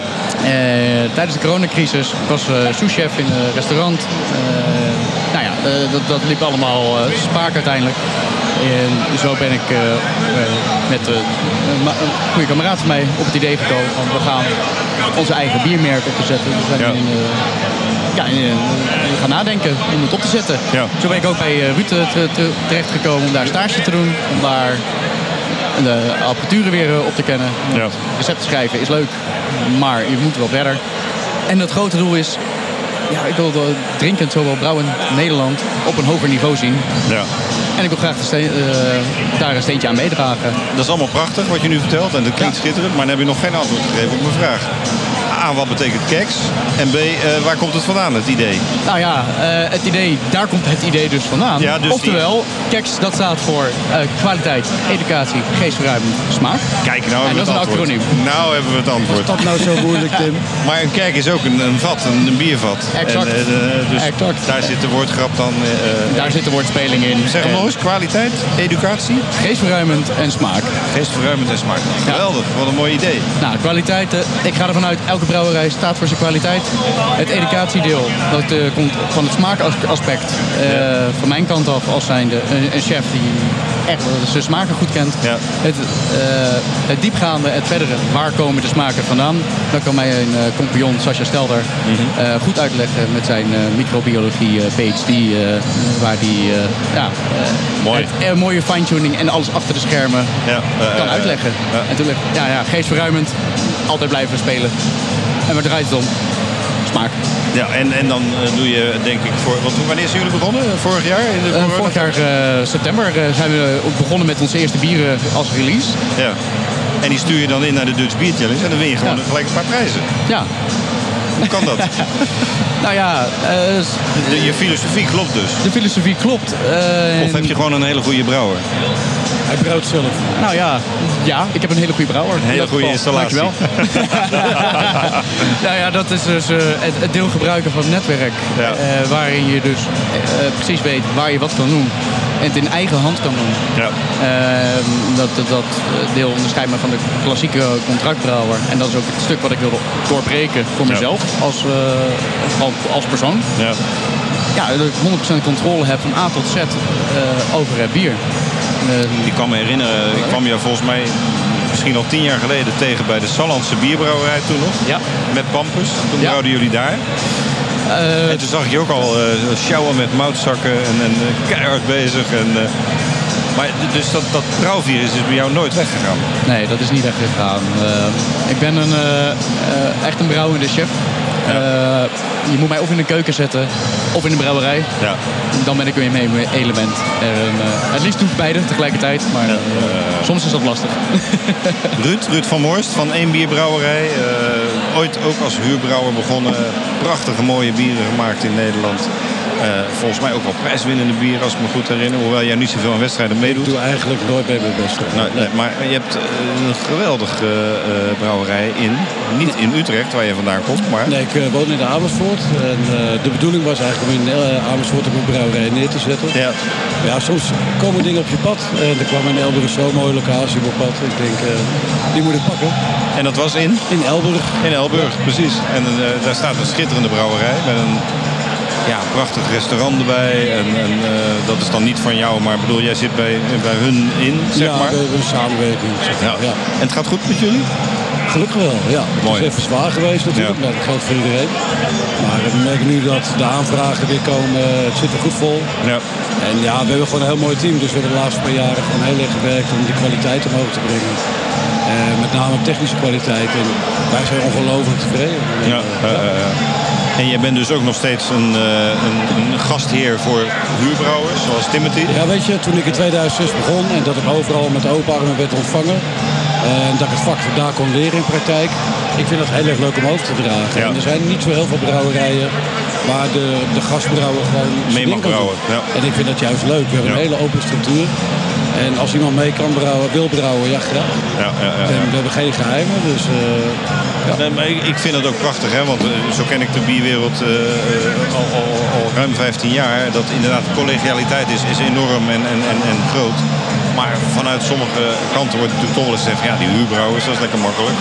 Kom ik met een receptje aan. En, dus leggen jullie nu eens uit aan onze luisteraars... dat, dat, eigenlijk, dat huurbrouwers eigenlijk ook respect verdienen? Nou ja, ik ben zelf dus heel lang huurbrouwer geweest. En ik heb heel veel te maken gehad met die discussie. Van ja, als huurbrouwer tel je niet mee. Terwijl ik denk bij mij eigen van ja, het is mijn recept. Ik brouw de bieren zelf. Alleen ik heb niet het geld voor de eigen installatie. Nee. Ik maak zelf wel een onderscheid tussen dus de huurbrouwers die echt actief meedenken en werken. eh, en de laptop-generatie. Want wij krijgen ook heel veel aanvragen van jongens van eh brouw maar een blond bier voor ons. Ja. En Dat doe je ja, niet. Dat doe ik dus niet. Nee. Dan wordt het weer een soort van etikettenbier, zeg maar. Nou ja, weet je, dat is gewoon voor hun een leuk speeltje. En tijdens het hele proces zijn ze ook niet geïnteresseerd. Ja. Het enige wat ze echt interessant vinden is dat ze dus een belletje krijgen, want het staat klaar. Ja. En die generatie moet er ook zijn, maar ik heb daar veel minder mee. Ja, duidelijk. En eh, Timothy, hoe, hoe kijk jij daar tegenaan? Want jij bent inderdaad in verschillende hoedanigheden al eh, Ah, ja. huurbrouwer geweest. Ook voor Moorbier, voor Peter van Daren. Ja, en, en, en, en nog steeds. En ehm, er zijn op dat gebied heel veel verschillende aspecten natuurlijk. Je hebt in, eh, precies wat Ruud er ook zegt. Ik noem ze de dozenschuivers. eh, de goede marketeers die weten een hele mooie brand op te zetten. En zet er neer. Prima, er is op zich niks mis mee. Eh, maar je hebt ook eh, brouwers die heel graag hun recepten willen zien ontwikkelen, dat graag willen voortzetten. En ik ben daar ook nog steeds ook groot fan van, van dat dat gebeurt. Eh, het helpt namelijk ook de bestaande brouwerijen hun capaciteit te vullen. Ja. Oftewel, het, Nou ja, komt, een- precies. het komt- komt gewoon wel gewoon een heel groot commercieel. Die hebben ook gewoon een verdienmodel. En die hebben ook eh, een verdienmodel. De ketels moeten Ja. vol. Ja, precies. En nou ja, zeker in de afgelopen twee jaar zijn de ketels eh, benagenoeg vaak leeg geweest. Ja. En nou ja, die, die mogen wel weer gevuld worden. Eh, Ja, het was vooral frustrerend dat met name dan de huurbrouwers de eerste waren die dus brouwsels gingen afzeggen. Ik denk maar, jullie zouden juist moeten begrijpen hè, dat de productiebrouwerij het zwaar krijgt. En dat was best wel pijnlijk om te merken. Ja, ja, ja. ja. Ik snap ook daar dat we tegelijk... Ja, en dat is natuurlijk ook het stukje dat een, een, een, een huurbrouwer eh, zichzelf mee indekt. Ja, nou ja. ja, ik- ja. Dat, dat wordt dan vaak natuurlijk door de markt gemengd. als oneerlijke concurrentie gezien. En, eh, ja. Ja, het als, wordt je, als je het bekijkt vanuit de creativiteit van de brouwer, dan kun je zeggen van ik heb een eigen recept. Ik heb het zelf al dan niet helemaal of gedeeltelijk meegebrouwen. Ja. Maar ja, je hebt inderdaad niet de investeringen die een kleine brouwer Nee. met zijn ketels wel heeft. En dat maakt het een stuk makkelijker voor ze. Ja. Maar goed, weet je, ik vind je moet altijd uitgaan van je eigen kracht. En dat doe, heb ik ik al 16 jaar. Ja. En ik eh, ga in principe niet mee met alle grillen. En gewoon geloven in wat je zelf brouwt. En ja, dat is wat wij doen. En daardoor bestaan we nu nog. Dus, eh, Ja. ja. Even een kleine sidestep eh, aan het einde van dit gesprek. Eh, eh, jij bent een chef, eh, niet alleen chef-brouwer, maar ook een chef-kok. Eh, je bent echt een smaakkenner. Maar ik ga eerst naar Ruud. Ruud, wanneer ga jij je eigen oezo maken? Eh, nou, dat zal Chicoria worden, wordt het niet zonder drankje. Ik weet dat jij een enorme Griekenland-liefhebber bent. Eh, we zijn daar zelfs vorige week eh, met ons team bezig brouwen. Kijk. Met een cretentie brouwen. was Geweldig. echt tof. fantastisch. Ja, nee, die droom is er nog wel. Maar Ja, ja, ja, ja. eerst in Nederland, eh, we hebben nu eerst onze eigen realisatie. Ja. Ons eigen café over een paar maanden. Oké, maar En- hey, we hebben nieuws. Vertel, vertel, vertel. Ja, in Amersfoort, in het hartje Amersfoort. Wat goed. En we willen daar een heel mooi concept gaan uitrollen. En, en dan gaat het één café heten? Of hoe gaat het heten? Ja, de naam hou ik nog een beetje onder ons. Ja. Oh, jullie, jullie doen het samen? Ja, natuurlijk ik er ook. Tim ja. werkt bij EEM, dus daar heb ik heel veel mazzel aan. En ik, ik ga Tim ook zo enorm eh, gebruiken voor eh, het concept, met name de combinatie van goed eten met goede bieren. We willen niet zomaar een café zijn. Wat een mooi nieuws. Hebben we mooi nieuws in deze podcast. Ja, nog een paar Maar goed, eh, geen hè? oezo, maar eh, eh, Het Sikuria heet dat drankje. ja, dat is een eh jeneverachtige... Ja, dat is een cretense raki. Ja. Eh, dat is eh, ja, best wel een, strafdrankje. ja. Maar dat lijkt me heel tof om dat daar wat te gaan maken. Ja, ja, ja, dat maar weet ik denk dat duurt nog een jaartje of tien. Dus, Nee, maar dat zei je tien jaar geleden ook al. Dat duurt nog een jaar of tien. Ja, toen ik maar jou toen kwam, COVID. Dus, ja. eh, en COVID zei van, joh, je hebt geld gespaard, dat willen we allemaal hebben. ja, ja, ja, ja, Dus eh, ja, het moet een paar jaar eh, nog door. Ja. Ja, mooi. Timothy, jij, eh, wat is jouw grootste smaaksensatie eh, die je met ons wilt delen? Mijn grootste smaaksensatie. Oei, oei, oei, oei, oei. Nou ja, in ieder geval eh, meer, meer op de toekom- toekomst gericht dat ik hier eh, met bierspijscombinaties eh veel meer wil, wil gaan doen. Ja. eh, Mooie bieren blijven ontwikkelen. mooie meer bieren blijven ontwikkelen. Ehm, persoonlijk op zoek gaan naar nieuwe items, nieuwe of hele oude ingrediënten, zoals we nu, nu ook met ons nieuwste bier weer hebben gedaan. En mijn compagnon uitdagen van oké, dit zijn alle moeilijkheden erin. Hoe kan ik daar iets maken wat ik dit smaakprofiel uit krijg? Ja, ja, ja. ja. En om daarin te blijven triggeren. En dat, dat, dat is voor mij het komende jaar in ieder geval eh, de, de visie. Ja. En uiteindelijk, ja, eh, de eigen brouwerij ook neer gaan zetten. Toch wel, die droom heb je ook nog zeker. steeds. Ja, ja, ja. ja. Ja. En die, dat, dat, dat zit ook eh, in het netwerk volledig in de pijpleidingen. Maar ja, ik kan daar geen... maar dan eh, heb ik het verhaal al klaar, denk ik. Want dan eh, over tien jaar gaat hij naar Griekenland, Ruud, Ruud Ja. van Voorst. En dan neem jij gewoon zijn brouwerij over. Nou ja, dat, dat eh, zou geen straf zijn. Ik, denk, ik denk dat Tim niet zoveel geduld heeft. Dat denk ik Ik- niet. dat is het enige deel, eh, inderdaad. Ik zal iets langer moeten wachten. Maar ik, ik kan kleinschalig beginnen. En als ik dan eh, over tien jaar moet opschalen, Wie kan weet. ik een hele mooie brouwerij, eh, in- inclusief installatie, eh, uit Elburg naar mijn kantoor toe trekken. En je, kent, je kent de installatie goed, dus wat wil je nog meer? Ja. daarom, daarom. Beste luisteraars, we gaan dit volgen, dat begrijpt u. En we gaan nog een keer naar Elburg en dan gaan we nog eens een, eh, een uitgebreide podcast besteden aan deze twee mannen die Top. volop into bier zijn. Die eh, al jaren volop into bier zijn. Die prachtige prijswinnende dingen doen. En die een groot compliment eh, verdienen in deze negende, tiende, ik ben de tel kwijt, week van het Nederlandse bier. Dank jullie wel. Dank u wel. En we hebben hier opnieuw eens een keer geen brouwer aan tafel, maar een schrijver, biersommelier, ehm Eddy van der Ploeg. En wat wil nou het geval? Ehm, van de week kregen wij op de redactie van Biermagazine, Bierradio, een persbericht binnen over een nieuw boek. En dat boek heet, het boek heet Fietsen deel 1 door Nederland Bierland. Eddy van der Ploeg. En toevallig loop ik hem hier tegen het lijf. En hij zit hier aan de microfoon. Eddy, welkom. Dankjewel. Vertel eens even kort wie je bent en wat je doet. Ja, nou dankjewel Fedor. Fijn dat ik hier aan tafel mag zitten. Ik ben Eddy van het Boek, inderdaad biersommelier. Eh passie voor bier. En een passie voor fietsen. En ja, dat, is samengekomen in dat boek. Dat is combineren. En, eh, eh, Maar dan kan ik gelijk een hele flauwe vraag stellen. Passie voor fietsen. Tegenwoordig zie je natuurlijk fietsen en fietsen en fietsen. Je hebt zeg maar de oude wielrenfietsen zoals ik dat vroeger ook nog wel Ja. ooit een beetje gedaan heb. En je hebt tegenwoordig eh, de gewone tourfietsen. Maar je hebt tegenwoordig ook die elektrische fietsen. Maak je daar dan nog een onderscheid in? Of, Eh, ik zelf niet. I- iedereen moet fietsen zoals hij zelf wilt. Ja. Ik heb gewoon een, een hele fijne hybride fiets. Met 28 versnellingen. Ja. En dan ga ik altijd met mijn tentje op fietsvakantie. Met mijn vriendin. Langs brouwerijen, cafés. Maar ook langs de kunst in, in Nederland. Niets is leuker dan lekker een dag onderweg te zijn. En dan ergens aankomen waar je gewoon een lekker bier kan drinken. En een mooi glas bier drinken. Ja. Maar jij bent biersommelier, hè? Je hebt biersommelier. Stimon, eh, Ja. Stimon gedaan. En eh, eh, eh, je, je, je doet, eh, jouw bedrijf heet of jouw bier en kennis. Bier en kennis is bij mijn En wat, wat doe je daarmee? Wat, wat, eh, Ik eh, geef proeverijen. Ik geef eh, trainingen met name voor ook eh, horecapersoneel. Ja. Dus eh, speciaal biercafés om het personeel een beetje iets over bier te vertellen. Ja. Maar met, ja, voor- voor- vooral bierproeverijen organiseren. Ja, ja, ja, ja. Ja. Leuk. En nu dus een boek. En dat boek komt volgende week uit, geloof ik? Hij komt morgen bij mij thuis. Ja. Dan krijg ik eh, van de drukker de thuisexemplaren krijg ik thuis. Ja. En dan kan ik ze gaan verspreiden. Nee, je gaat ze zelf verspreiden. Je hebt eh, geen uitgever die... eh, Nee, ik, ik, ik heb mezelf als uitgever benoemd. Ja, ja, ja, En ik weet ook dat jij uitgever bent, maar ik...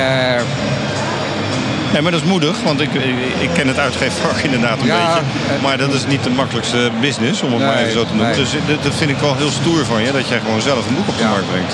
de, de passie was gewoon om een boek te maken. En het hele verkoopverhaal, daar moet ik voor zelf wel een beetje over nadenken eerlijk gezegd. Ja. Ik, ik, ik, heb, ik heb het al verkocht hoor. Ik heb al eh, eh, 100 boeken verkocht. Ja. Eh, maar eh, ja, dat, dat, dat komt wel. Dus, eh, Vertel eens iets over het boek, want het heet Fietsen door Nederland, Bierland. Ja. Ehm, wat, wat kunnen de lezers ervan verwachten? Wat, wat... Het, is een route in totaal over de twee delen heen. eh, van eh, e- 3150 kilometer door Nederland langs brouwerijen. Eh, deel 1 zijn 33 etappes, deel 2 zijn 32 etappes. Eh, en dit is één, één aangesloten route waarbij eh, in elke etappe één uitgerichte brouwerij en één uitgericht café. Dus goede brouwerijen die ook te bezoeken zijn. Mhm. En een goed biercafé, of in ieder geval een goed café waar de passie voor bier eh, in ieder geval uitstraalt. Om die te kunnen bezoeken. Ja, ja. En dat Kun- maakt dus één geheel. Kun je een tipje van de sluier geven hoeveel eh, brouwerijen en hoeveel ehm, eh, biercafés staan er in deel 1? Ja, eigenlijk eh, dus 33 eh, brouwerijen, 33 cafés. Ja, ja. Het zijn ja. 33 etappes, zeg maar. 33 die, etappes. Ja, ja, ja. Er, sta- staan er meer in, maar ik beschrijf er maar ja. En, en kun je een paar namen noemen van brouwerijen die in je boek voorkomen? Nou, bijvoorbeeld, heel leuk om bij Koelenburg aan te komen, eh, ook voor het Everdingen, met Duitse Barret, bijvoorbeeld. Dat is zeker voor een fietser, hè, camping erbij, eh, een hele mooie plek. Eh, een goede, hè, bij Dusburg, ik kom op Texel, bij de familiebrouwerij Dix. Ja. Eh, ik kom bij uh, Stanners Broedersprofiets in, eh, in Enschede. in Enschede. Ik kom bij Gulp in, in Limburg. Ja. Dus, eh, Heel afwisselend, groot en klein door elkaar en Ja. mooie bieren vooral. Ja. en het mooie is, Nederland is zo mooi om te fietsen. En als je dat beloond wordt, naar je etappe, Ja. Ja, ja, ja. een mooie plek. Prachtig initiatief. Eh, waar is het boek te koop voor de luisteraars? Het boek is te koop op eh bierenkennis.nl. Daar heb ik zelf een eh, webshopje aan gemaakt. En kan je het gewoon bestellen. En wat gaat die kosten? Hij kost 17,50. 17,50. Ja. En dat is inclusief verzendkosten? Ik, nee. Exclusief ja, ja, dus er komt ja. nog een eurotje of vijf bij eh, die orde van grootte. 2,5. Ik wil niet, gek maken. Dus, eh, Oké, nou. nou hartstikke goed. Ja. We gaan het eh, doorvertellen en eh, nogmaals hulde voor je initiatief en veel succes met de verkoop van je Dankjewel, boek. Fedor. Dankjewel. Deze podcast wordt mede mogelijk gemaakt door Brand Bierbrouwerij in Wielree. Brand. Op het goede leven. En door Hollands Hophuis. Het huis van de Europese hop. Ja, en we zitten nu aan tafel met uh, de Nestor Brouwer van Nederland, uh, Gerard van der Broek. Uh, bijzonder fijn jou ook hier weer te zien op het Nederlands Bierproeffestival.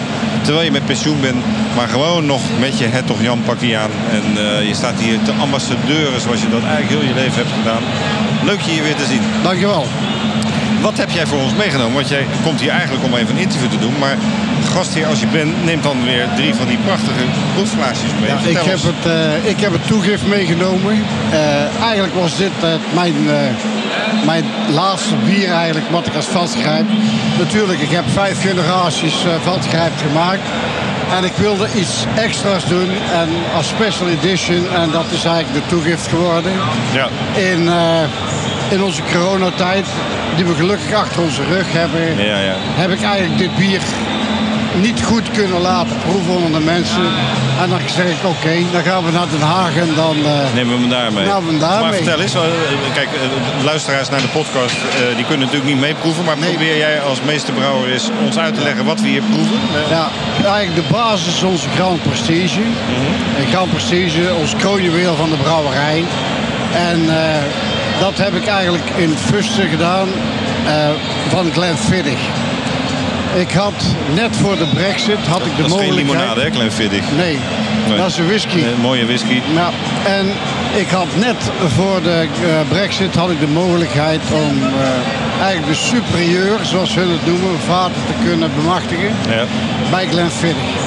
Uh, dat zijn fusten die gemiddeld 25 jaar, maar gemiddeld 25 jaar whisky op gerijpt heeft natuurlijk, uh, die waren zeer prijzig. Dus ja. ik heb niet allemaal. Dus ik heb 25% aan, uh, aan deze superieurvaten gekozen. En uh, 75% aan de normale Glenfiddich. En die zit al 12,5 jaar op eiken. Ja, we hebben dus ons, onze Grand Prestige erin gedaan. En wij zijn gewend om de drie maanden te proeven. Uh, door de brexit, dat was eigenlijk voor- en nadeel. Het nadeel is, we moesten echt gas geven om deze fusten naar Nederland te krijgen. En op de laatste ferry naar Hoek van Holland, daar stonden ze op. Ja, ja. Dus dit was echt uniek. We waren net op tijd binnen, ja. zeg maar. Ja. En we hadden ook die distillateurs onder druk gezet om deze fusten leeg te maken. Met andere woorden, ze hebben heel veel whisky in het fust laten zitten. Ja, ja, ja. En dat maakt het Dat bier proef je inderdaad. Zo, ja. Het is echt een heel mooi volmondig bier. Dat Ja. sowieso, de Grand Prestige is een volmondig bier. Ja, maar hier, dit is het huwelijk tussen uh, twee topproducten, vind ik. Het eerste wat je, wat, wat je ruikt in de neus is gewoon de whisky aan zich. En de smaak is krentjes, rozijnen. Dat zit erin. Honing. Dat is wat mijn eerste, eerste indruk is. Ja, ja, ja. ja. En dan gaat die mooie Grand Prestige weer naar boven toe met zijn eigen tijdse smaken van karamel, chocolade.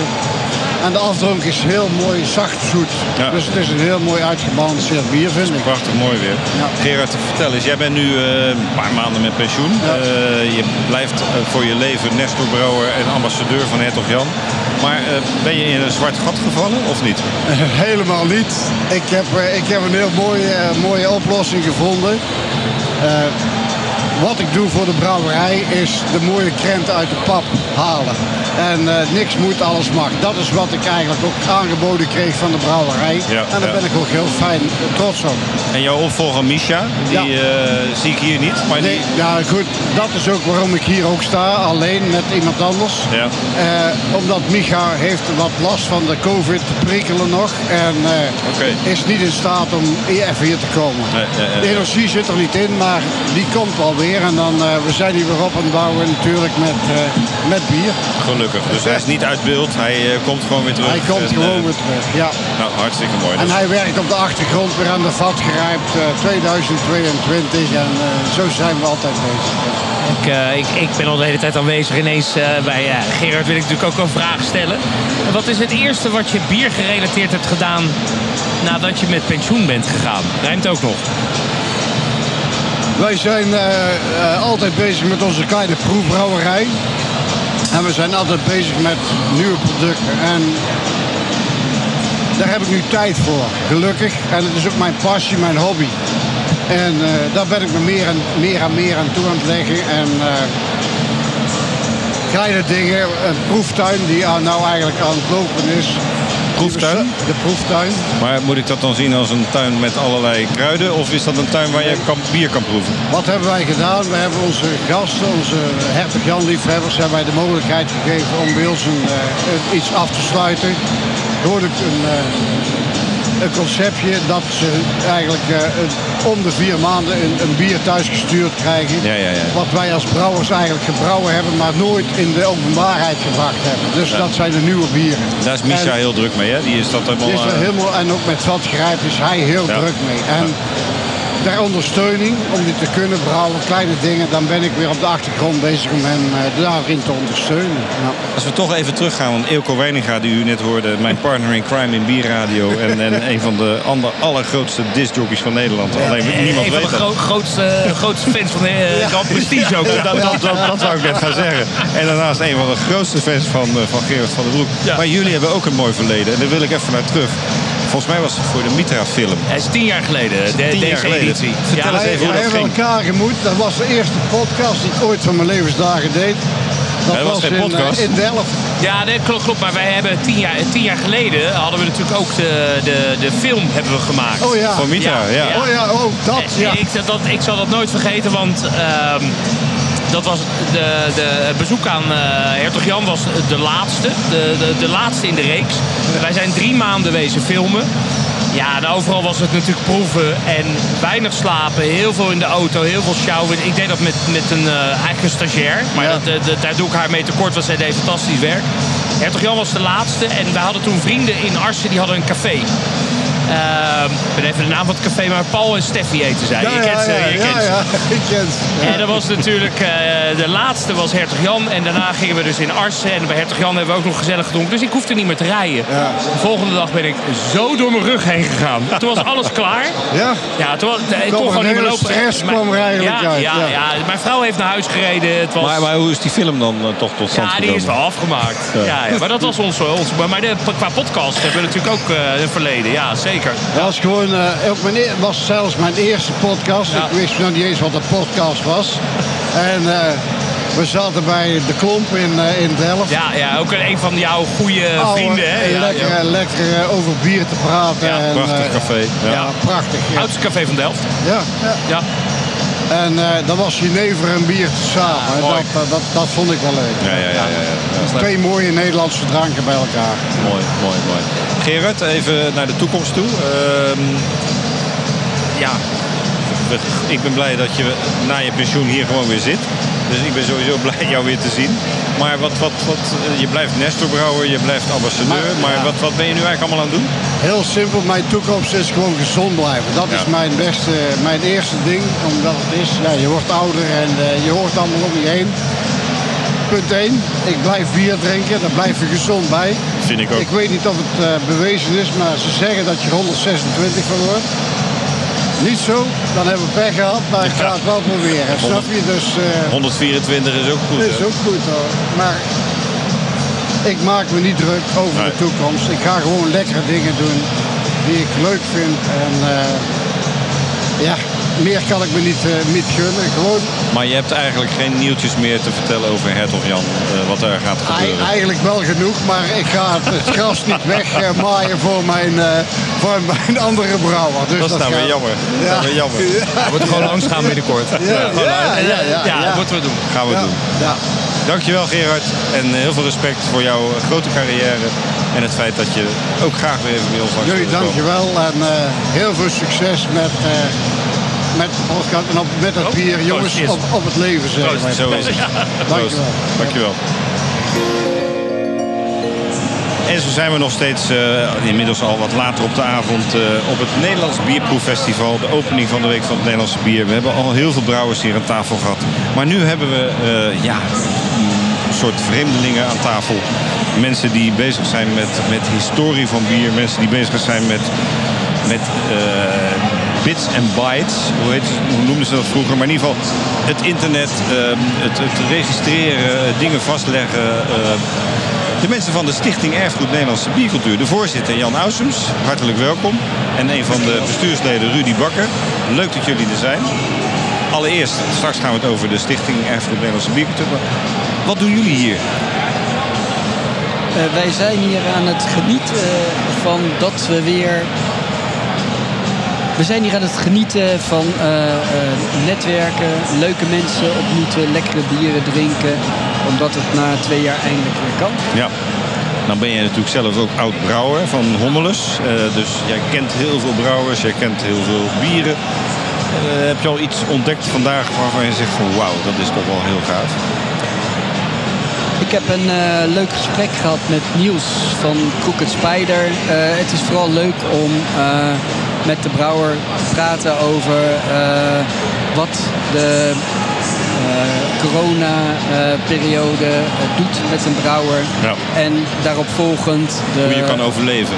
eh, hoe je kan overleven, maar ook wat er nu gebeurt door eh, de eh, ellende in Oekraïne. eh, wat dat betekent voor eh, ingrediënten eh, bestellen van Grondstoffen zijn, eh, ja. prijzen schieten omhoog, energieprijzen, eh, al die ellende. Ja. En Rudy, voor jou, wat, wat, wat kom jij hier doen? Ehm, nou, allereerst eh, eh, vanwege een uitnodiging die we hebben gekregen natuurlijk. En het is, eh, ja, het is een feest altijd om, eh, om op, een, eh, op, op een festival te zijn. Ja, nee, maar jij, jij bent natuurlijk een, een verzamelaar puur zang. eh, een van de diehards achter de Stichting Erfgoed Nederlandse Biercultuur. Maar je bent ook een liefhebber. Dus wat, wat, wat, wat is nou jouw... eh, eh, wat, wat is jouw verrassing van vanavond? Ehm, nou, de grootste verrassing is eigenlijk dat ik eh, Marco Dane sprak. Ja. Die vertelde dat ze een, eh, een bier hadden gemaakt, een zoet bier. Naar aanleiding van een, eh, een schilderij van Rembrandt. Ja, ja. En tot mijn stomme verbazing eh, was dat hier aanwezig bij de stand van Jopen. Echt waar? En het is eh, eh, een merkwaardig eh, en erg smaakvol moet ik zeggen. Ja, merkwaardig en erg smaakvol. Dat, dat, dat, is, dat, is, eh, dat, dat klinkt als een contradictio. Ehm, nou ja, het is vooral eh, eh, niet zwaar in alcohol, maar wel zwaar in smaak. Ja. En heel kruidig. Mooi, mooi, mooi. Nu de Stichting Erfgoed Nederlandse Biercultuur. Daar is natuurlijk al heel veel aandacht voor geweest in allerlei media en terecht. Jan, kun jij in het kort even uitleggen wat de stichting is en wat die stichting doet? De eh, Stichting Erfgoed Nederlandse Biercultuur, de naam zegt het al, wij promoten de eh, biercultuur in Nederland. Kan je natuurlijk afvragen, de biercultuur in Nederland? Maar wij proberen een, eh, eh, uit, een volledig overzicht te geven van de Nederlandse eh, bierwereld in de meest brede zin van het woord. Dus niet alleen informatie over de brouwerijen en de bieren, maar ook over alles wat in, door de eeuwen heen Nederland een bierland heeft gemaakt wat het nu is.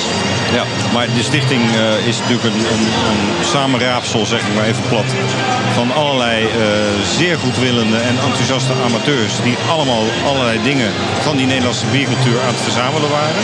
Hoe is dat ooit in een gemeenschappelijk iets gekomen? Hoe, eh, Ja, eh, het is eh, ontstaan uit een samenwerking van eh Pinkgron, bieretiketten, Cambrines.nl. En we hebben vijf jaar geleden hebben we gezegd van joh, we doen dit allemaal apart. We moeten dit samen doen, we doen allemaal hetzelfde.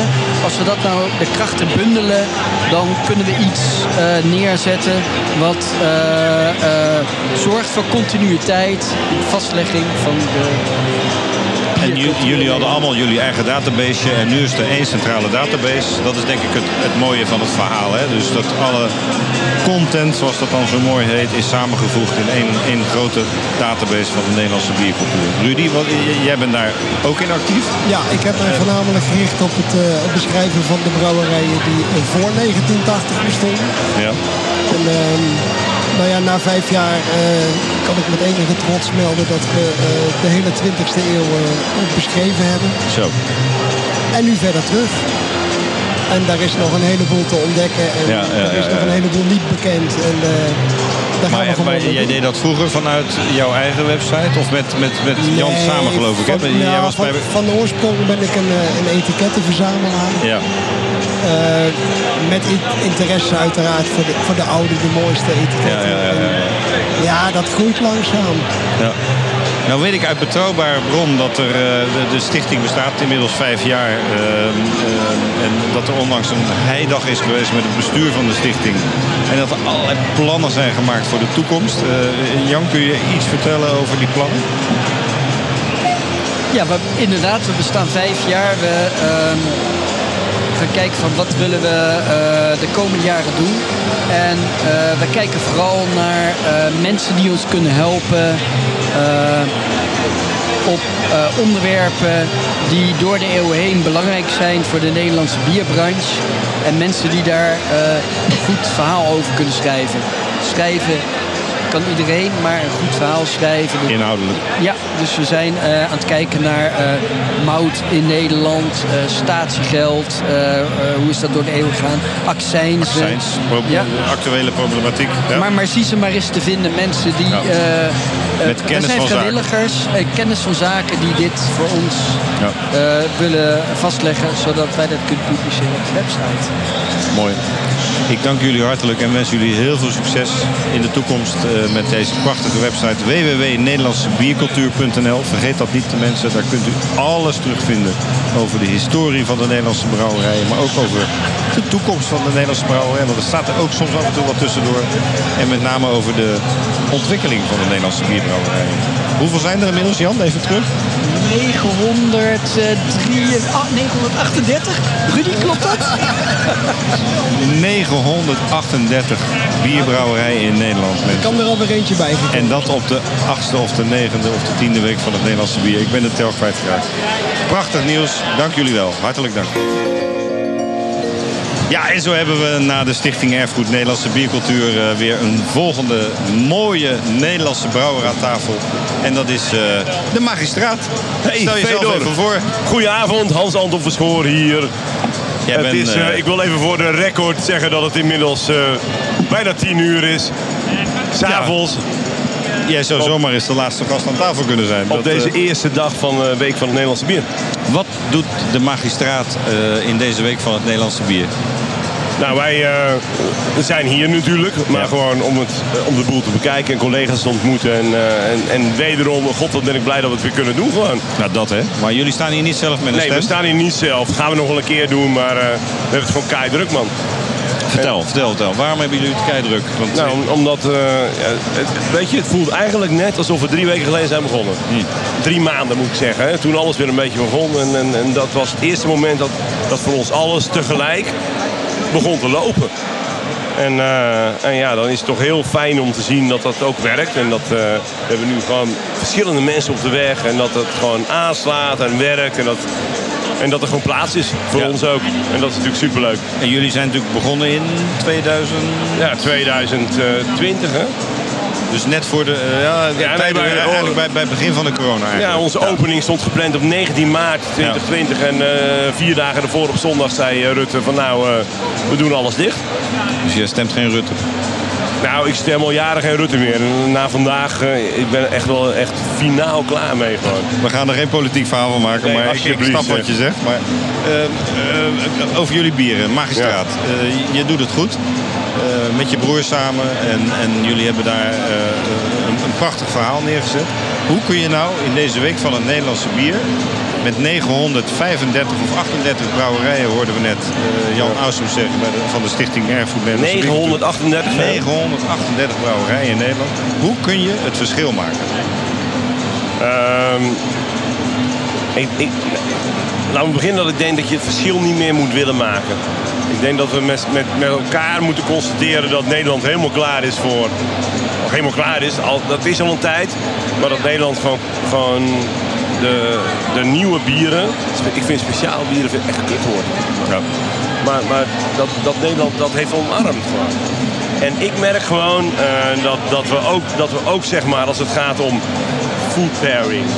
Op, om plaatsen waar het compleet ongebruikelijk was om andere bieren dan pils te drinken. Eh, dat het wel gebeurt. En dat mensen daar open voor staan. Maar ook ondernemers. Hè? Dus, dus niet alleen maar die, die, die gast, maar ook die ondernemers. Die staan er gewoon helemaal klaar voor. En dat, dat zien we gebeuren. En dan moeten we met z'n allen omarmen. En we moeten met z'n allen zorgen dat we de mooiste bieren maken. Maar dat is allemaal een prachtig mooi verhaal. Eh, Hans Anton, ik ken jou ook een beetje. En, en ook je broer. Jullie kunnen prachtig mooie verhalen vertellen. Dat is een kunst en dat moet je ook koesteren. Maar eh, de grondstofprijzen gaan omhoog, de energieprijzen gaan omhoog, de inflatie is enorm. Eh, de komende jaren gaan de bieren alleen maar duurder worden. en dan, en dan, hoe kun je dan het verschil blijven maken? Nou, ik ben nu bijvoorbeeld een deel van mijn vakkennis pak ik erbij. En ik heb een adviseur bijgehaald. En wij zijn ontzettend aan het kijken hoe we het energie, hoe we dat aan gaan pakken. Het helpt niet, eh, alleen PV-panelen neerleggen helpt niet meer. Dus we zijn aan het kijken van, hey, hoe koop ik energie in de markt in? En dan eh, bijvoorbeeld bij nieuwe stroom koop je energie in en betaal je per kwartier, dan krijg je tarieven. En ik kan bijvoorbeeld op bepaalde momenten, de afgelopen maand, uh, ik heb een grotere warmwatervoorraad. En als ik die s'nachts verwarm op bepaalde tijdstippen of smiddags als de zon hard schijnt, dan krijg ik geld toe. Ja. Nou, als je daar slimme dingen van maakt en je zorgt dat je een PLC hebt die je stoomgenerator aanstuurt, die je warmwatervoorziening aanstuurt, die je, koud die je ijswatervoorziening aanstuurt, dan kun je dus je kosten extreem omlaag brengen. Ja, ja, ja, dat is een eenmalige investering en ik weet zeker voor heel veel brouwers en ik, ik hoop ook om samen met die, met die partij die ik daar nu voor gevonden heb, dat we dat voor meer brouwers beschikbaar kunnen gaan maken.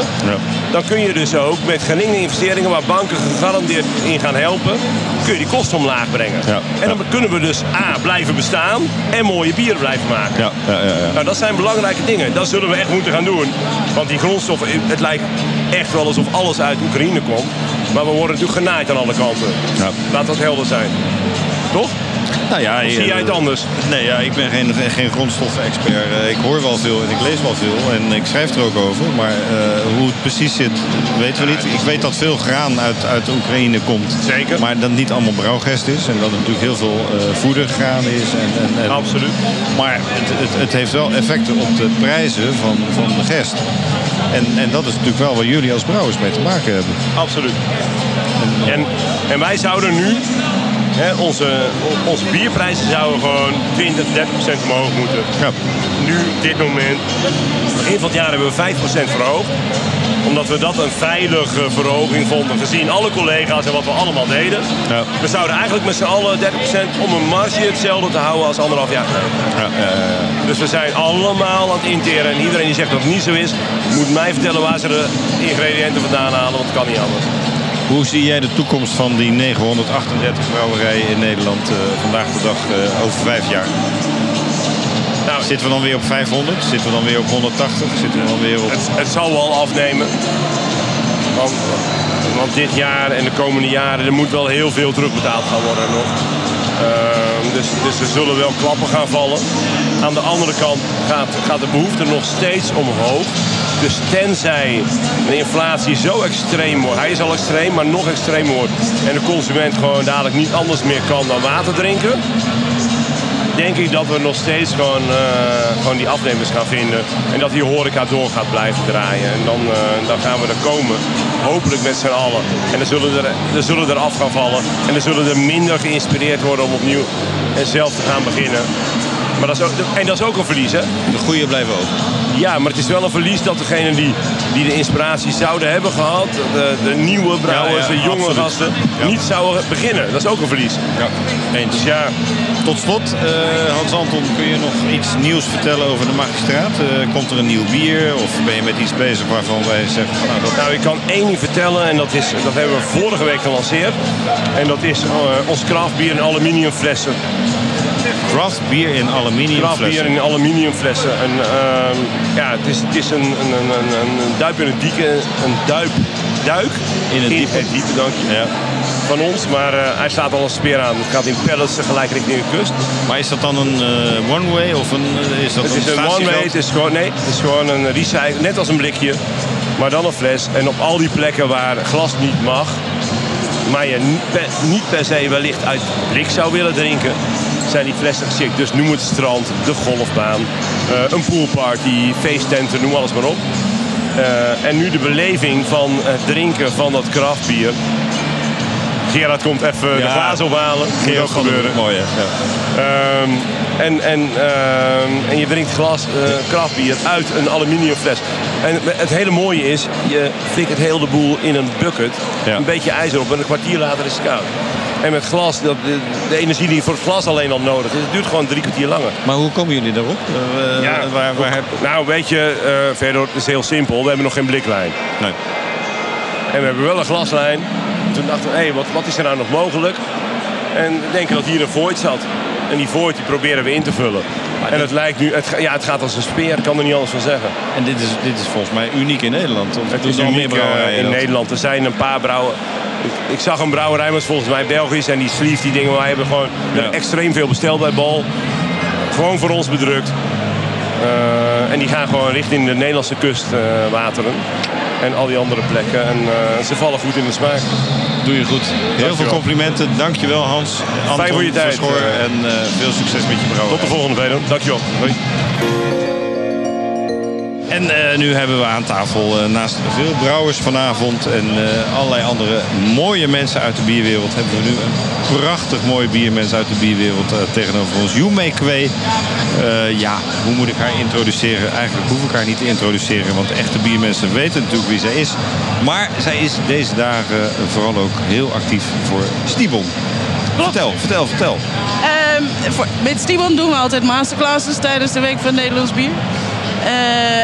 En dit jaar was een beetje het laatste moment allemaal. eh. maar vorig jaar waren we begonnen met silent walking masterclasses. Dus met zo'n koptelefoon op en eh, ehm, lekker rondlopen en bieren proeven. En onder begeleiding van biersommeliers en docenten van Stibon die daar heel veel over dat, en dat stond heel erg aan, hè? Dat was heel leuk toen. Ja. Eh, en het nu weer. Volgend jaar wil ik de biersommeliers, want ondertussen hebben we er al nou, bijna 350, al meer dan 350. Ehm, wil ik de biersommeliers de kans geven, want wij doen het heel vaak, de docenten en Ja. eh, bekende biersommeliers. Maar het wordt tijd dat eh, Nederland met ons hele gala aan biersommeliers... De mensen die jullie opgeleid hebben Ja. de afgelopen... Hoe lang is Stibon al bezig? eh, sinds 2010. 2010, Ja. dus... eh, Meer dan 3000 12 mensen. jaar. Ja. Meer dan 3000 mensen Ja. opgeleid. En meer dan 250 biersommeliers, zei je? 350. 350? Nou, dus dat is een enorme prestatie. Ja, ja, en er komt nog veel meer aan. En al de brouwopleiding. En Het is natuurlijk allemaal eh, gestart door Henry Reuglin. eh, maar jij bent volgens mij een van zijn rechterhanden. ehm, eh, officieel de, de planner. Ja. Ik plan eh, de opleidingen. Afgelopen twee jaar heel goed kunnen oefenen met het verplaatsen van alle lessen. Ja. Continu. Oh, met En, corona. Ja, ja, ja. En online doen we nu ook. ja. Ehm, en er komen mondjesmaat ook nog andere taken bij. En, masterclasses organiseren, de, de sheets bijhouden, de docenten informeren, eh, locaties bezoeken. En nou ja, de, ja, het is gewoon heel mooi om daar eh, aan mee... eh, Het is net een echt bedrijf, zou ik dan zeggen. ja, we zijn maar met z'n drietjes, maar eh, Ja. ja, we verzetten heel veel eh, Met werk. alle, alle vrijwilligers eromheen en alle Ja. cursisten. Of eh, cursisten, de, de eh, mensen die opleidingen eh, geven. Ja. Eh, eh, misschien een klein promotiepraatje. eh, waarom moeten mensen Stimul gaan doen eigenlijk? Waarom moeten mensen Stibon gaan volgen? Ten eerste gewoon eh, om je eigen bierkennis te vergroten. Eh, als je meer wil weten over bier. Als je echt goed wil leren proeven. Maar dan heb je het over Stibon 1, hè? De, Ja. de, de eerste cursus. Dus Ja. eigenlijk voor bierliefhebbers, maar ook voor mensen in de horeca. Of maar gewoon de basiskennis. Ja, maar het, het is wel een, een basis plus. Ja. Ehm, we gaan eh, voor niveau 1 al behoorlijk diep in op alle materie. Ja. Ehm, met name het proeven staat centraal. Eh, en ik denk hoe meer mensen goed kunnen proeven, eh, hoe beter de kwaliteit van het bier ook wordt. Ja. En, en meer variëteit, maar met name ook de kwaliteit. Ja. En dan niveau 2, dan ga je meer naar bier en spijs, geloof ik, hè? Eh bier en spijs is onderdeel, maar ook echt nog dieper in op alle ingrediënten. Ja. Eh, niet zozeer water, maar wel eh, mout, hop, gist. wetgeving, bierspijs inderdaad. Ja, misschien, ja, ja, je gaat ook bier meebrouwen Mhm. met een brouwer. Maar ook, ja, wat moet je allemaal ervoor doen om een, om een goed bier neer te zetten? Ja, ja. Komt best veel bij kijken. Ja, de, heel veel. En als je dan Stimon 2 hebt gedaan, dan kan je op voor Stimon 3 en dan word je biersommelier. Ja, na Stibon 3 ben je biersommelier. Dat is nog twee dagen in Oostenrijk. Ehm, als je Stibon 2 hebt gedaan en gehaald, ben je gek als je niet naar niveau 3 gaat. Nee, nee. Maar je hebt ook een netwerk en, en vrienden en vriendinnen voor het leven. en, eh, Nou ja, ik, ik ken zoveel mensen ondertussen en het is te gek om het enthousiasme te zien bij iedereen. En iedereen is blij. We hebben de grote inspirator van eh eh, eh, Stimon, die komt hier toevallig langslopen. Hij doet nu de koptelefoon op. En eh, hopelijk, ho- hoor je mij? Ik hoor je luisteren duidelijk. En jouw microfoon die doet het volgens mij ook. Dus dan kunnen we jou ook nog even heel kort meenemen. Want ik heb eigenlijk heeft Yume Kwee, nou ik denk veel beter dan dat jij het had kunnen vertellen, verteld hoe Stimon in elkaar zit. Maar eh, wil jij daar nog iets aan toevoegen? Ehm, nee, als Jume dat uitstekend heeft uitgelegd. Nee, maar ik, eh, laat ik dan aan jou vragen, Henry. Ik, eh, ik zie jullie hier vandaag eh, met van die walking, eh, eh, hoe heet die dingen? Silent disco eh, figuren rondlopen. En, en, het- het- Een walking masterclass. Oh, de Walking Masterclass. Dat was de Walking Masterclass. Het is echt geweldig om te zien. En iedereen kijkt er ook naar. En, en iedereen denkt van, gebeurt hier? Die komen van een andere planeet. Dat klopt, dat, eh, dat is ook zo. Sowieso. Nee, maar eh, bier, eh, bier is lekker, bier verbindt, eh, bier mag ook verrassen. Ja. En, Maar wat doen jullie in zo'n masterclass met die, met die, met die koptelefoons op? Wat, wat, wat gebeurt er dan? Wat, wat... Nou ja, je zit natuurlijk hier in zo'n festival, heel druk. Iedereen is aan het proeven. Ehm, en we proberen eigenlijk een soort van eigen wereldje te creëren. Waarbij een biersommelier een aantal bierliefhebbers meeneemt. En echt wat verdieping geeft in wat hier te proeven is. Dus er zijn masterclasses over eh, wat vind je lekker. Of over de nieuwe Nederlandse lagers. Of over de bieren van Den Haag. We zijn natuurlijk in Den Haag. Haagse broeders, eh, mooi hè, dat die hier ook staan. Ja, Ja, ja. heel tof. Echt en, en ook echt een van de broeders zelf die, Ja. hier, eh, die hier staat. Ja. Ehm, dus er zijn zoveel verschillende masterclasses te geven. En er zijn zoveel sommeliers die, die heel enthousiast daarover kunnen vertellen. Nou, dat vinden we mooi om mee te brengen, mee te nemen. En ja, als je in zo'n volle kerk dat moet overschrijden, eh, overschreeuwen, dat, dat werkt niet. Dus we hebben een soort van silent disco. Ons, ons eigen feestje. Maar dat feestje moet ook niet langer dan drie kwartier duren. Want daarna moet je gewoon weer met iedereen feest vieren. Ja, precies. En eh, netwerken en eh, lol maken. Ik vroeg het Jo- Yume Kwee ook al. Ja, eh, waarom staan jullie hier? Eh, en wat is het, wat is het belangrijke van, van, van? Waarom moet iedereen Stimon gaan doen? Nou, dan laat ik diezelfde vraag ook aan jou stellen. Nou ja, nee, ik, ik vind dat niemand Stibon moet doen. Maar je merkt wel dat, dat als je iets meer weet van bier... dan, eh, dan, dan smaakt het ook beter. Dan, dan, dan, dan is het leuker. We gebruiken als hashtag onder andere opent je bierwereld. En dat is denk ik wat het is. De andere hashtag die we gebruiken is leuk, lekker en leerzaam. En dat is eigenlijk wat het is. Ehm, en als je ergens iets van weet, dan ga je het ook beter waarderen. En dat, dat willen we brengen. Maar moeten, nee, joh, als je gewoon lekker van je bier houdt, drink het lekker en, en maak het niet moeilijker dan het is. Dat vind ik misschien wel het belangrijkste. Maar als je daar net iets meer van weet, ja, dan merk je ook wat voor moeite brouwers. eh, nou, je, ziet hier de verscheidenheid aan brouwers, de verscheidenheid aan bieren. Net iets beter begrijpen waarom ze iets doen, hoe ze iets doen. Ja, maakt het ook wel weer spannender. Aan de andere kant trouwens de- maakt het leuker. Ehm, ik had het net over kwaliteit. Soms proef je ook dus de slechte dingen die je voorheen niet proefde. En die ga je dan wel opeens waarnemen. Dus eh, ik zeg soms wel eens, ja, niemand heeft gezegd dat het leuk is. Eh, met een grote glimlach. Want Ja, ja, ja. uiteindelijk is het natuurlijk hartstikke leuk. En inderdaad, niks moet. Dat is ook wel mijn eh, ehm, motto. Maar na niveau 3 opent er nog steeds een nieuwe wereld voor je. Ja. En dan, na niveau 3 ben je nog steeds niet klaar. Je bent nooit uitgeleerd. Nee, zeker Nee, niet. en, en, en ik denk dat je nooit moet vergeten, er zijn twee soorten bier. Lekker en niet lekker. En dat is persoonlijk. Tot slot, Henry, eh, eh, een- niet-Stimon-vraag. Ehm, jij was tot voor kort voorzitter van de Week van het Nederlandse Bier. De Stichting Week van het Nederlandse Bier. Ik heb jou vandaag niet op het podium gezien. Hoe, hoe zit dat? Nee, de, de stichting heeft een iets andere structuur gekregen. En uh, dat wordt nu gerund door Nederlandse Brouwers Craft. Dus de, de twee brouwersorganisaties. We zijn meer dan tien jaar geleden begonnen met de Week van het Nederlands Bier. Om Nederlands bier op de kaart te zetten. Nou, ik denk dat dat wel gelukt is. Ehm, we hebben nu ook andere overlegorganen ehm, in het leven geroepen. Um, en ja, eigenlijk hebben we bereikt, het, uh, bereikt wat we wilden bereiken. En um, ik ben heel blij dat, uh, dat Craft en Nederlandse brouwers uh, de Week van het Nederlands Bier voortzetten. Omarmen. Omarmen. Um, en dat doen ze goed. En dat hoeft niet weer met een, ja, met een groter team. Dit is, dit is goed zo. en ja, bier staat. En dat is waar we wilden zijn. Mooi, dankjewel. En ik kan zeggen, als onafhankelijk objectief journalist dank voor jouw uh, grote bijdrage aan die Week van het Nederlandse Bier als voorzitter. Die je vele jaren hebt gehad. En dat had misschien vanavond ook nog wel gezegd mogen worden. Dankjewel. Graag gedaan.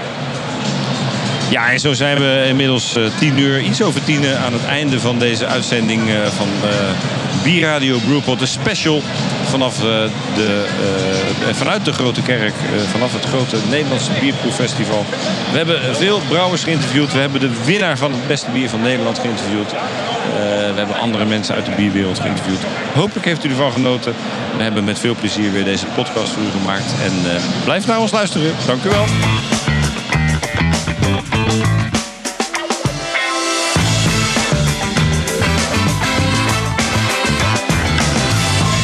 Deze podcast werd mede mogelijk gemaakt door Brand Bierbrouwerij in Wielree. Brand. Op het goede leven. En door Hollands Hophuis. Het huis van de Europese hop.